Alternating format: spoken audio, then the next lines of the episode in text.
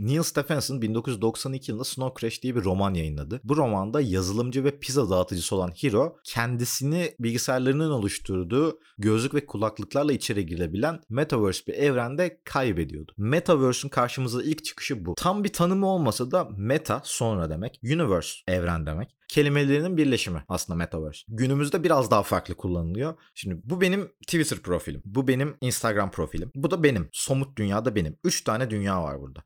Yani şöyle üç tane dünya var. Aslında Instagram'da olan şeyler gerçek değil ya.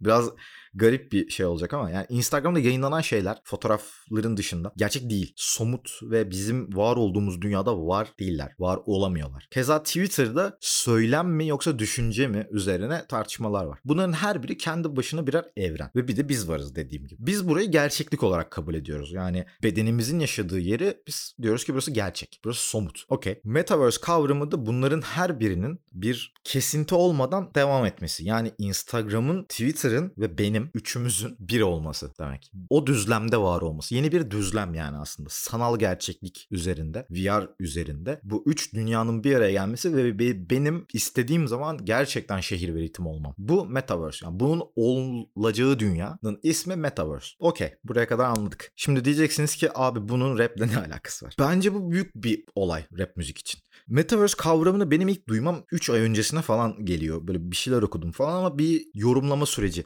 geçirdim. Yani nedir bu, nasıl oluyor, ne oluyor falan diye. Burada şöyle bir problem var. Yani rap müzik için önemli olan kısmı bu. Yani Batu ve Label C5'in, Label C5'in bir konser görüntüsü vardı onu gördünüz değil mi? Ankara'da galiba. Bayağı tatsız bir görüntü yani söyleyemiyorlar ve aslında söyleyememe sebepleri de bu Metaverse ile alakalı. Çünkü rap müzik bir jenerasyon krizi yaşıyor. Bu bunun sebebi de metaverse yani. Şöyle ki bir noktada bazı insanlar rakamlara çok değer veriyorlar ya da knockout listesine ya da ne kadar dinlendiklerine. Çünkü orası sanal bir dünya yani o metaverse içerisinde o meta dünya içerisinde. Onlara bakıp evet diyorlar ben bu metaverse'te okeyim. Yani iyiyim, başarılıyım, güzelim, süperim.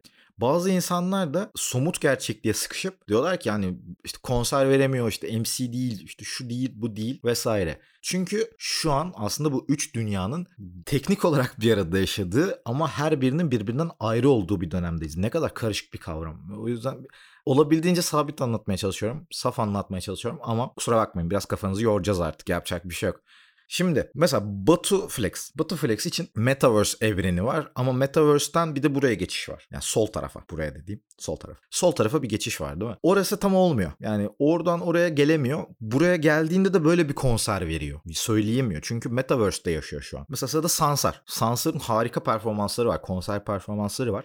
Ama Metaverse'de yani internette şu an için internette şu an için internette bir hype yaratamıyor. Çünkü buradan buraya geçemiyor. Ya da Knockout listesine verdiğimiz önem. Knockout yani Spotify bir meta. Meta bir dünya. Orada yayınlanan şarkılar mesela somut dünya için yoklar. Çünkü plak değiller, CD değiller, kaset değiller. Somut olarak depolanmıyorlar. Biz onları gerçek dünyada sadece sanal bir aracı üzerinden dinliyoruz. Bu da Metaverse bu arada. Ya Metaverse deney, deneyimi desek daha doğru. Ama bu da teknik olarak bir Metaverse. Spotify'da kendi başına bir evren. Ya bu podcast mesela podcast olsaydı ki video olacak ihtimalle. Günün sonunda onu Spotify'dan dinliyor olacaktınız. Bu da gerçek olmayacaktı. Bu da Metaverse deneyimi olacaktı aslında. Bu noktada rap müziğin bunu anlamasını kesinlikle beklemiyorum bu arada.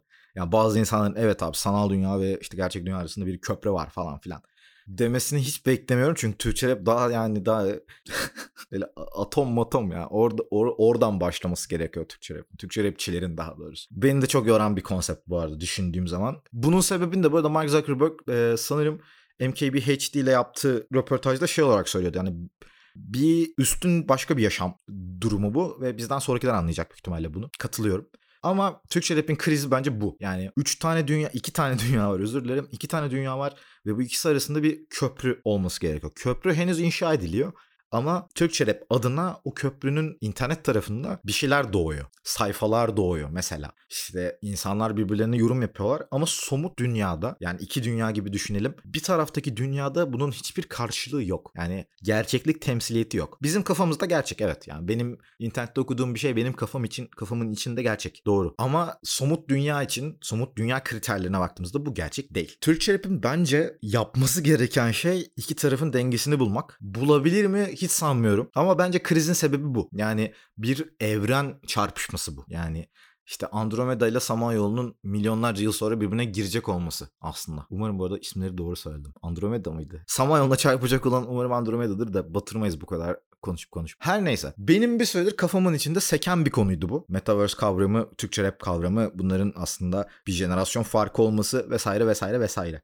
Kafanızı açtıysam ne kadar güzel. Video bu kadar. Görüşürüz.